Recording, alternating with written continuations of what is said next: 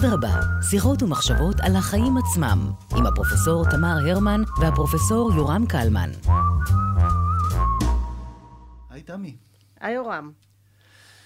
אז uh, אנחנו מדברים היום עוד פעם על ילדות ועל ילדים, והפעם אנחנו נדבר על uh, שיווק לילדים. Uh, נמצאת איתנו כאן uh, דוקטור טלי תאני הררי, היא ראש התוכנית uh, לתואר שני במנהל עסקים במרכז האקדמי פרס. ודווקא בתור מי שמגיע מניהול, אני יודע שאנשים מבלבלים בין שיווק לפרסום, אז קצת על, על מה זה שיווק, ואז נצלול לנושא של שיווק לילדים. שלום, נעים להיות כאן. אה, שיווק זו, אני מגדירה שיווק כשפה, אוקיי? כמו שיש לנו אה, עברית ואנגלית, שיווק זו שפה, אה, שבאמצעותה אנחנו פונים לצרכנים ומנהלים איתם מערכת יחסים. פרסום בעצם, ששאלתם, פרסום נמצא בתוך השיווק. זאת אומרת, פרסום אנחנו, שיווק בעצם אה, זה, זה מנעד מאוד גדול של כלים, של אמצעים, של שיטות, ואנחנו אה, אורזים את הכל ביחד בצורה מאוד מאוד מותאמת לקהל היעד, אה, כדי להצליח באמת לתקשר בצורה הנכונה עם קהל היעד שבחרנו למותג שלנו. אז מה באמת, אולי קצת דוגמאות לכלים כאלו? כל, אה, כל באנר שאנחנו עושים באינטרנט הוא כלי. אה, קהילות, היום הקהילות בפייסבוק למשל, הן כלי מאוד מאוד חשוב לייצר איזשהו שיח בתוך קבוצה שיש לה מכנה משותף אה, מאוד משמעותי. יש קבוצות שעוסקות בשייט ויש קבוצות שעוסקות בבישול, ובעצם דרך קהילות גם אפשר לעשות שימוש בתקשורת, זאת אומרת מותגים מייצרים קהילות כדי להגיע לקהלי היעד, וגם מותגים מתחברים לקהילות כדי להגיע אל קהל היעד. אז אני רוצה לשאול אותך, בעצם למעשה תמיד היה שיווק. זה לא דבר שקם עם האינטרנט. אני מניחה שהרוכל שעבר בכפרי כנען ורצה שיקנו ממנו את התוצרת שלו, הוא ניהל איזושהי פונקציה של שיווק. השאלה שלי, ממתי זה הפך להיות אה, נושא למחקר? זאת שאלה מעולה. 50, 60, 70 שנה האחרונות ככה אנחנו רואים יותר, וגם המחקר בתחום השיווק מאוד מאוד השתנה. גם הגישות, אנחנו אומרים היום שיווק ואני אומרת שפה וצרכנים, גם זה מאוד השתנה. אפרופו השאלה שלך, אז uh, בעבר זה היה יותר באוריינטציה מכירתית. זאת אומרת, הנושא של משא ומתן וטקטיקות שכנוע, uh, מאוד ברמה של... Uh, uh, איש מכירות מנסה לשכנע אה, את הלקוח לקנות משהו, אה, ובעצם לא, היה, לא הייתה ישות כזאת של צרכן, של להבין מי, מי זה הצרכן, להגיע אל הצרכן. ועם השנים התפתחה מה שאנחנו קוראים הגישה השיווקית, שהיא בעצם מעמידה את הצרכן במרכז. ערך ללקוח. נותנת ערך ללקוח, ו, ודרך זה בעצם מת, מתקיים איזשהו תהליך שהוא תהליך ארוך טווח. זאת אומרת, אם אה, מכירה, רוכל של פעם, זה היה משהו מאוד נקודתי, יש לי עכשיו את ה...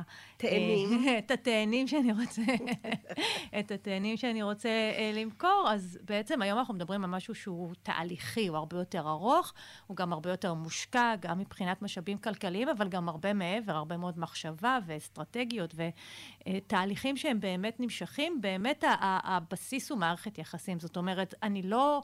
אני רוצה תמיד להרוויח, אבל אני לא כאן ועכשיו, הרווח הוא לא מיידי, אלא הרווח הוא משהו שהוא הרבה הרבה יותר אה, רחב, בראייה הרבה יותר אה, אסטרטגית.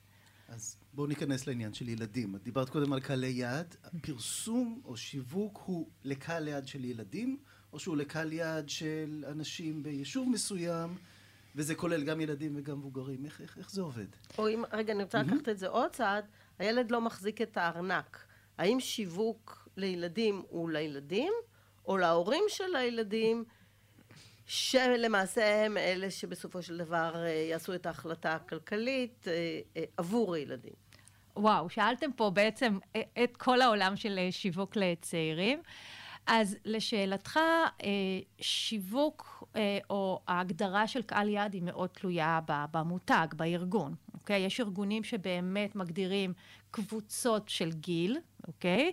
והם מייעדים מותג מסוים לקבוצת גיל מסוימת, אה, ויש מותגים אחרים שפונים אה, לפי תחומי עניין למשל. ואז למשל, אם זה אה, מסוקים על שלט רחוק, אוקיי? זה יכול להיות... ילד בן 14, נער בן 14, ואבא שלו, ואנשים מבוגרים יותר, ובעצם מה שמשותף זה אותו תחביב, ודרך התחביב הזה בעצם להגיע אל, אל גילאים שונים. זאת אומרת, המימד הדמוגרפי פה הופך להיות אה, שולי, כי המכנה המשותף התחביבי הזה הוא הרבה הרבה יותר חזק. אה, ויש מותגים, כן, שפונים לפי אה, גילאים, ולשאלתך, הפנייה אל, אל ילדים היא לא, זאת אומרת, אפשר לפנות אל ילדים כי ילדים יש להם say מאוד מאוד משמעותי. זאת אומרת, אנחנו לא יכולים להגיד היום לילדים אין את הארנק. זו אמירה שהיא כבר פחות רלוונטית. קודם כל, יש הרבה... אולי היה כדאי לחזור לעולם הזה שאפשר להגיד, אה, אין לכם ארנק ואני מחליט או מחליטה מה נקנה. אז, אז אנחנו לא שם. גם לילדים יש תפקיד הרבה יותר חשוב בתהליכי קבלת החלטות. אה, צרכניות. זאת אומרת, היום כשקונים מחשב לבית, לילד בן עשר יש יש משמעות בתהליך הזה, לא רק כי הוא יהיה זה שישתמש בזה, אלא כי הוא כל הזמן נמצא באינטרנט והוא מכיר והוא יודע, והוא יודע הרבה, הרבה יותר טוב הרבה פעמים מההורים שלו מה כדאי לקנות. וברגע שהוא, יש לו תפקיד בתוך תהליך חיפוש המידע ובחירת החלופות והגדרת הקריטריונים, אז ברור שגם התוצאה מושפעת במידה רבה ממנו. אז גם אם הוא לא זה שמשלם, אבל הוא עושה הרבה מאוד תפקידים אחרים, אז ברור שזה מאוד מאוד ישפיע. ובנוסף לזה, בואו לא נשכח שלילדים גם יש הרבה מאוד כסף, אוקיי? היום בהרבה מאוד מקרים, לבר מצווה, בת מצווה נותנים כסף. לחגים נותנים כסף, לימי הולדת נותנים כסף, ויש גם ילדים יותר גדולים שעובדים, זאת אומרת בני נוער שעובדים, אז כסף זה משהו שהוא מאוד מאוד נמצא בחיים של הילדים. לכן יש משווקים שפונים ישירות אל הילד כדי שהוא יהיה זה שהולך וקונה, ויש אה, משווקים אחרים שפונים אליהם כדי שישפיעו על ההורים, או כי יש להם תפקיד בתהליכי קבלה החלטות, ויש משווקים שפונים להורים. זאת אומרת, זה עוד פעם, זה הגדרה של קהל יעד. ואיך פונים? זאת אומרת, מה, מהו התהליך של הפנייה? ואיך תהליך העיבוד של המסר לנושא הקנייה, איך זה עובד בראש שלנו?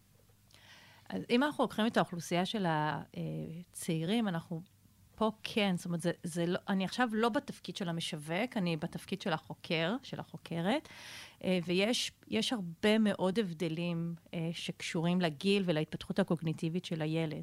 אוקיי? Okay, אם אנחנו צריכים לסמן ככה נקודת ציון משמעותית, זה גיל שמונה. אוקיי? Okay? כשאנחנו פונים לילדים מתחת לגיל שמונה, בגלל מגבלות קוגניטיביות, הם עדיין לא יודעים לזהות הרבה מאוד פעמים שזה מסר פרסומי. אגב, היום ההבחנה בין פרסום ללא פרסום מאוד מטשטשת, אז יש מקרים שגם מבוגרים קשה להם להבחין. זאת אומרת, כל מה שקשור לתוכן שיווקי, פרסום סמוי, גם מבוגרים אה, מתקשים. אבל בטח ובטח ילדים מתחת לגיל שמונה, המנגנונים עדיין לא מספיק בשלים כדי לעשות את ההבחנה הזו, אז הם לא תמיד יודעים שהם צופים בפרסומת. כשאנחנו לא יודעים שאנחנו צופים בפרסומת, אין את המנגנונים האלה שבאים ואומרים לנו, רגע, כמו המבוגרים, כשאנחנו מסתכלים על פרסומת, אומרים, רגע, לא בטוח שאנחנו רוצים את זה, אנחנו מעלים כל מיני חסמים. הילדים לא מעלים את זה מתחת לגיל שמונה, ולא רק זה, הם גם לא מבינים שיש מישהו שמנסה להטות או להטעות אותם. אז אה, אפשר להגיד את המילה תמים, אוקיי? את הצפייה התמימה הרבה יותר, בלי חסמים, בלי ביקורתיות, לא בגלל שהם לא רוצים להיות ביקורתיים, כי הם לא מבינים שהם צריכים להתגונן מול הדבר הזה. מבחינתם, פרסומת בטלוויזיה זה סרטון קצר נורא נורא נחמד. אז זה מבחינת הגילאים היותר צעירים. כמובן שבתוך הגילאים הצעירים, לידה עד שמונה יש הרבה מאוד הבדלים, אבל לא אכנס לרזולוציה הזו. מעל גיל שמונה אנחנו רואים כן שמתחילה להתפתח איזושהי הבנה ראשונית שיש נקודת ראות שהיא לא נקודת הראות שלי, אוקיי? אנחנו מכירים את זה מכל מיני היבטים אחרים בפסיכולוגיה, אז מגיל שמונה מתחילים להבין שיש עוד נקודת ראות שהיא אחרת משלי, ואז יכולה להתחיל להתפתח ההבנה שיש פה מסר אולי אינטרסנטי, אבל גם זה הולך ומתחדד, ולקראת גיל 12 אנחנו רואים איזושהי בשלות נוספת.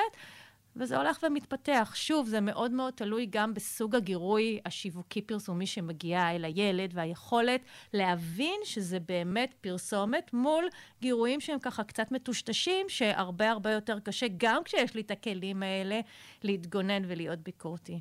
מה שאומר, אני רק אוסיף, אני מניחה שאתם רוצים לשאול אותי, מה שאומר שצריך לעבוד, יש לנו כמבוגרים תפקיד מאוד מאוד חשוב בלתת לילדים את הכלים כדי להבין לאיזה עולם הם גדלים. ילדים ומבוגרים חשופים לאלפי גירויים כאלה ביום, אוקיי? אם ניקח רק את הטלפון הסלולרי, שהוא יצטרף לחיים גם של הילדים הצעירים, אנחנו מבינים כמה גירויים אה, שיווקיים הילדים חשופים אליהם כל הזמן, כל יום, גם אם הם בבית ספר וגם אם הם מחוץ לבית ספר.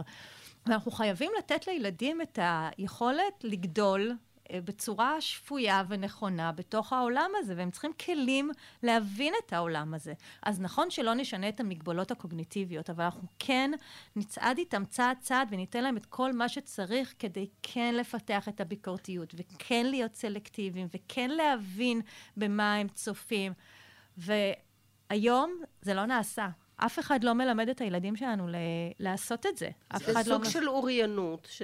זה אוריינות. של כישורי חיים, שלמעשה... אולי זה לא פחות חשוב מכל המקצועות שמלמדים בבית הספר, כי ההשפעה של זה היא עצומה. וכאן תראי הבדל בין הורים שיש להם יותר מודעות לדבר הזה, אני מניחה, והם יותר uh, עומדים על המשמר בכיוון הזה, לבין הורים שהם בעצמם קורבנות של, uh, של שיווק אגרסיבי. אבל אני, uh, אני, אני רוצה לצעוד צעד אחד אחורה.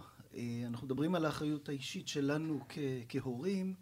מה בכל זאת ברמה של אה, רגולציה, של מדיניות? אה, יש איזושהי הגנה על ילדים מפני פרסום, מפני שיווק כזה? יש, נעשים מאמצים. הבעיה היא, היא בעיה אמיתית. קודם כל, תמיד הרגולציה לוקח לה זמן להבין את השינויים ולהתאים את הרגולציה לשינויים שמתחוללים. דבר שני, יש עולם שנקרא אינטרנט, שהרבה יותר קשה לעשות שם את הפיקוח ואת הבקרה ולתת את ההגנה. אני אומרת בתפיסה שלי שהמדינה צריכה לתת כלים. היא לא יכולה לסגור את העולם של הילדים. הרבה הרבה יותר נכון לתת לילדים את הכלים להתמודד מאשר לנסות להגן עליהם. אני לא נגד, אוקיי? Mm-hmm. Okay? זה שמוצרי מזון מזיקים או מוצרים מזיקים אחרים יהיו עליהם מגבלות בכל מה שקשור לשיווק ופרסום זה בסדר וזה חשוב. האם זה יפתור את הבעיה? לא. כי ילדים היום לא חשופים רק לתכנים של ילדים, אוקיי? וברגע שילדים חשופים להכל, אז בעצם אנחנו לא באמת נפתור את הבעיה. אה, מה שצריך לעשות, וזה הכי חשוב, זה יביא, אגב, מה שאמרת קודם, על זה שזה יותר חשוב מהרבה מאוד מקצועות אחרים, בעיניי זה ישרת כל דבר אחר שילדים יעשו. כי כשילדים ילמדו להיות ביקורתיים וסלקטיביים, ולהבין באיזה עולם הם חיים, הם ילמדו הרבה יותר טוב. הם uh, יגדלו הרבה יותר טוב, הם יהיו אזרחים הרבה יותר טובים, הם יהיו צרכנים הרבה יותר נבונים, שלא לדבר על חינוך פיננסי, שהם ידעו לחסוך להורים, זאת אומרת, זה, זה נכון לכל ההתנהלות שלנו בעולם שיש בו כל כך הרבה דברים מבלבלים, סותרים, ובאמת אה, עומס מאוד מאוד מאוד גדול של מידע, וצריך לדעת להתמודד עם העולם הזה. את יכולה אבל... לי לתת דוגמאות? פשוט דוגמאות קונקרטיות של, של מקומות שבהם משווקים מתנהגים באופן לא אתי, הם ככה מנצלים את, ה, את התמימות הזו? אני לא רוצה להגיד uh, uh, משווקים mm-hmm. ספציפיים. Mm-hmm. לא, uh, אבל אני, אני, דווקא, אני דווקא חושבת שבמדינת ישראל, נגיד ערוצי הילדים, אוקיי? בדרך כלל מתנהגים בצורה אחראית. Mm-hmm. אה, יש מקומות שבהם, אנחנו ככה קרובים לחנוכה, אוקיי? הפסטיבלים, פסטיגלים, זאת חגיגה צרכנית לכל דבר, והרבה מאוד מותגים אה, מצטרפים לחגיגה הזו. אז להגיד אם זה אתי או לא אתי, יכול להיות שהם עושים את הדברים בצורה אתית, אוקיי? ועדיין, הילד יגיע לפסטיגל ומאוד מאוד ירצה הרבה מאוד מוצרים שהפסטיגל מציע. זה שהפסטיגל רוצה למכור את זה, זה בסדר, עד כאן אין שום דבר רע. השאלה איך מתמודדים עם זה, ומה עושים עם זה, ומה אותה אימא ששילמה הרבה מאוד כסף על הכרטיסים, ולקחה יום חופש, ולקחה את הילדים, ועשתה מזה חגיגה שלמה, איך היא תתמודד עם הדבר הזה, שהילד עכשיו מתחיל לבכות כי הוא רוצה גם את הדיסק, וגם את הזה, וגם את הזה. זה אה, מצב שהוא בעייתי.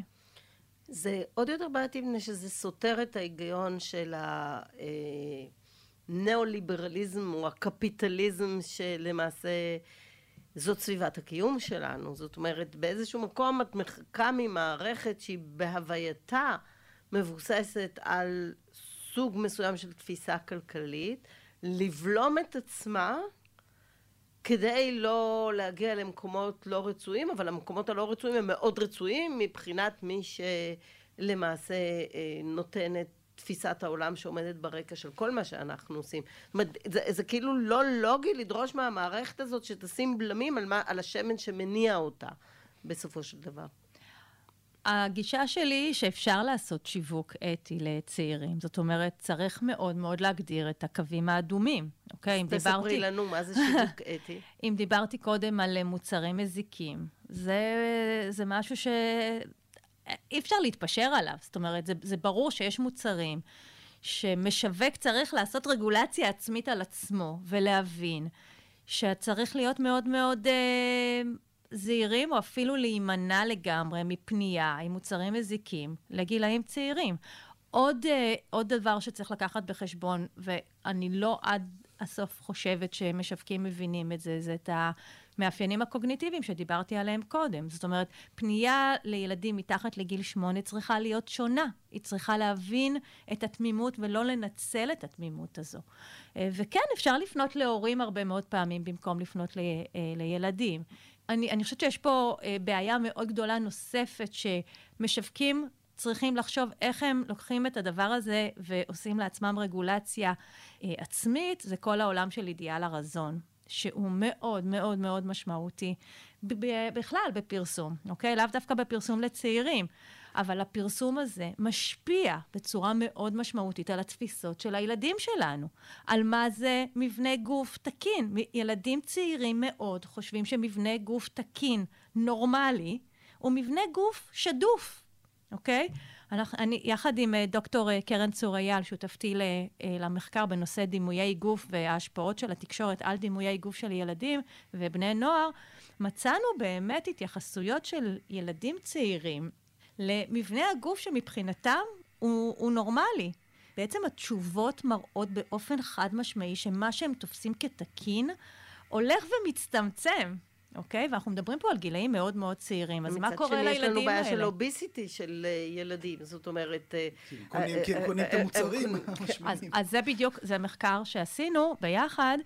שבעצם בודק את הפער הזה. הרי, הרי בסוף, מה יש לנו ברוב הפרסומות? מצד אחד מוצרי מזון משמינים, מצד שני מבנה גוף מאוד מאוד רזה, אוקיי?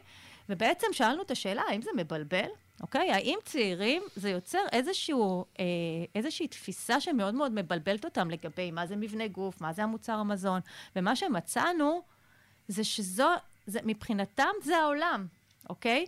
הם מבינים, אגב, שיש את העולם הטלוויזיוני ואת העולם האמיתי. Mm-hmm. והם מבינים שככה זה צריך להיות, והם חושבים שדמות, מבנה, מבנה גוף אחר לא יכול להתאים. זאת אומרת, אם נשים ושמנו כל מיני סוגים של מבני גוף, כל מיני דמויות במבנה גוף שונה, ממש ממש רזה, קצת יותר וקצת יותר, ובעצם מצאנו שאם מבנה הגוף הוא לא מאוד רזה, לא משנה מה מוצר המזון, מבחינתם זה לא, זה, לא, זה לא מתאים לפרסומת. משהו נראה להם מקולקל, משהו נראה להם לא טבעי. אז זה, זה, זה העולם של, שהילדים שלנו חיים היום. מבחינתם, זה שהדמות המאוד רזה אוכלת פיצה, ככה צריך לפרסם פיצה, זה בסדר. אז איפה רגולציה עצמית? רגולציה עצמית היא גם להביא כל מיני סוגים של מבני גוף אל הפרסומות. אפילו ברבי יש עכשיו, אה, נכון. ברבי יותר נמוכה וברבי יותר שמנמנה. נכון. והשאלה מי ירצה לקנות את הברבי הפוליטיקלי קורקט הזאת, זו גם שאלה.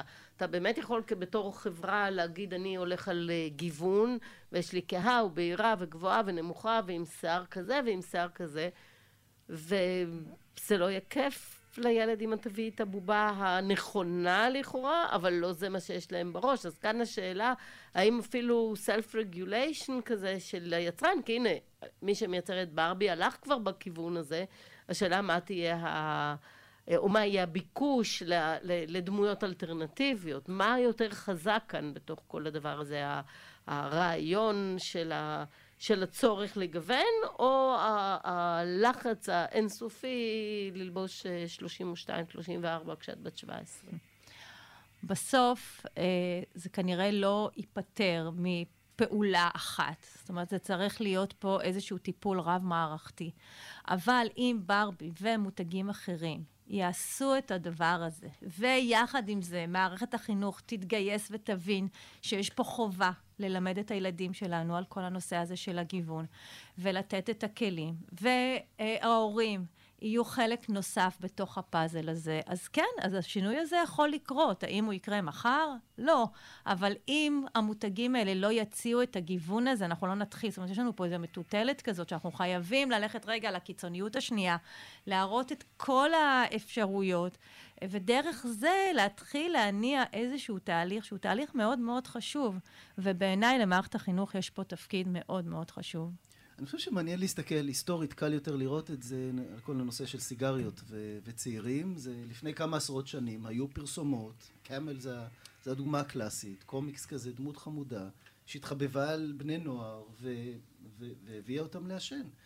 אז יש מגבלות על פרסום של סיגריות לילדים. של אלכוהול. של אלכוהול, אבל עכשיו אז יש סיגריות אלקטרוניות, יש שם טעמים שמטרתם לפתות ילדים. תות. התות, הבזוקה, אז היום אוסרים את הטעמים האלה, אבל זה ממש מלחמה בלתי פוסקת שמשווקים. אני לא, אני לא רואה פה שום רגולציה עצמית. אה, לכן אמרתי, ההיגיון המערכתי פועל הפוך לא, אין, אין, מה, זה... מה, מהכיוון, אה, כן. מהכיוון הזה. אבל אתה יודע, יש היום קבוצות הורים אה, די גדולות ששמות דגש מאוד גדול על שאלה של הצריכה הנבונה, כל המעבר ל... צעצועים בני קיימא שעוברים uh, מגיל לגיל, יד שנייה. Uh, כמובן שכן יש רגולציה שאנחנו כולם יודעים עליה, למשל על מזרנים לתינוקות, uh, על צעצועים שלא פריקים לגילאים צעירים, זאת אומרת כאן כן חל במשך השנים שיפור ניכר. אבל זה לא פגע בצריכה, זאת אומרת. לא, אבל, אבל, אבל הסכנה למשל באמת במזרון מתלקח או מזרון שאפשר להיחנק ממנו. למעשה אה, הופחתה בעקבות אה, תהליכים כאלה. זאת אומרת, אני חושבת שזה עד נקודה מסוימת יותר סכנה לגוף מאשר סכנה לנפש, אני חושבת. בסכנה לגוף אנחנו יותר רואים את העניין נכון. של הצלחה ברגולציה. נכון. בסכנה לנפש נכון. זה כבר מתנגש עם עקרון הרווח בצורה יותר אה, נכון. בעייתית. הבעיה הכי גדולה היא בעצם את, את אמרת קודם שההורים הם קורבנות בעצמם, ובעצם הדור של ההורים היום הוא דור שגם הוא בעצמו לא באמת למד אה, וקיבל את הכלים. ולכן, ה, ו, ולצד זה אנחנו יודעים בצורה חד משמעית של הדוגמה האישית, הרבה מעבר לשיחות שעושים ההורים, הדוגמה האישית של ההורים היא קריטית באיך שהילדים יגדלו. וכשנכון, מצד אחד ההורים מסבירים לילד, כשהם יחד איתו בחנות צעצועים, שצריך לבחור צעצוע אחד. נהדר. אבל אז, אחרי שהם מסיימים בחנות צעצועים, הם הולכים לסופר, ולאימא יש רשימה של חמישה פריטים, והעגלה מפוצצת. אוקיי?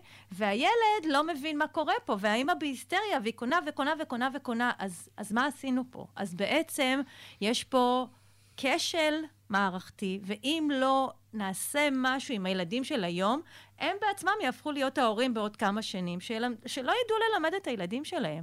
הרבה הורים אומרים לי, אנחנו לא יודעים להתנהל כלכלית. אנחנו לא רק שאנחנו לא יודעים לתת מודל לילדים שלנו, אנחנו בעצמנו. אנחנו לא יודעים מה לעשות כשאנחנו הולכים לקחת משכנתה, שזה ממש הדבר הכי זה. אנחנו לא, הרבה מאוד פעמים לא יודעים דברים בסיסיים בניהול של חשבון בנק. אף אחד לא לימד אותנו את הדברים האלה. אז הדברים האלה בסופו של דבר מחלחלים אל הילדים, והילדים בעצם אה, יהפכו להיות אה, הורים קורבנות לדור הבא. אז מישהו צריך להתעורר, והמישהו הזה זה האנשים הכי בכירים במדינת ישראל, שבעיניי לראש הממשלה ולשרת החינוך, שאני אה, אה, פועלת יחד איתה אה, מדי פעם בתחום הזה, יש חובה היום לקחת את הדבר הזה ולבנות תוכנית כדי שכל הילדים מגיל מאוד מאוד צעיר, עד גיל אה, שהוא מסיים בית ספר, בית ספר תיכון, בסופו של דבר נצייד אותו בארגז הכלים האלה, והוא יהפוך להיות צרכן נבון. כל כך פשוט. כל כך פשוט וכל כך מסובך, ואני חושבת שבקריאה הזאת אנחנו יכולים uh, לסיים את התוכנית. אנחנו מאוד מאוד מודים לך, דוקטור טלי תהני הררי, על זה שהזהרת אותנו מהמוקשים ה... לכאורה בלתי נראים שיש בדרך של כולנו כהורים, כבני משפחה, כמחנכים וכיוצא בזה. ואולי אולי אפילו כמקבלי החלטות ומנהלים ומנהלות שמקשיבים לנו. תודה רבה. תודה רבה לך. תודה. אדרבה, מגישים הפרופסור תמר הרמן והפרופסור יורם קלמן, האוניברסיטה הפתוחה. עורך עומר עובדיה, טכנאי סאונד אורי דגני, אולפני האוניברסיטה הפתוחה. תודה למאיה להט קרמן ואיילת טריאסט.